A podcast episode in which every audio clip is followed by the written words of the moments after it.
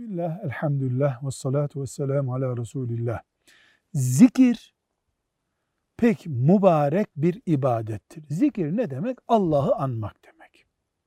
Bu eylem olarak yapılabilir. Camiye yürüyüp gitmek bir zikir çeşididir. Kur'an okumak bir zikir çeşididir. Ama tesbih gibi yapılabilen zikirler de vardır. Eline tesbih alıp 10 defa, 100 defa, 1000 defa şunu yapacağım, her gün yapacağım denebilir.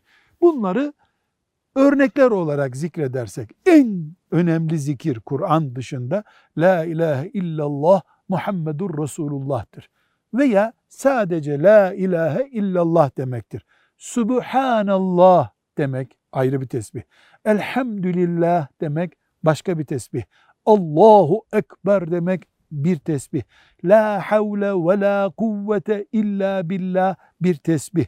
Bismillah, Bismillahirrahmanirrahim ikisinden biri tesbih çeşidi. Euzu billahi mineşşeytanirracim tesbih çeşididir.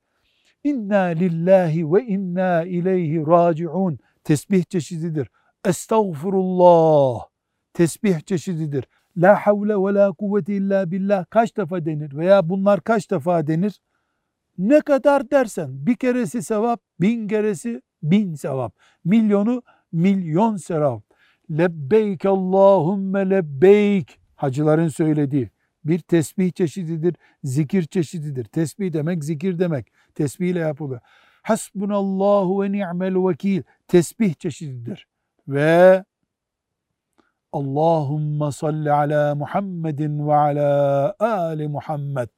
Muhteşem bir zikir ve tesbihtir. Velhamdülillahi Rabbil alemin.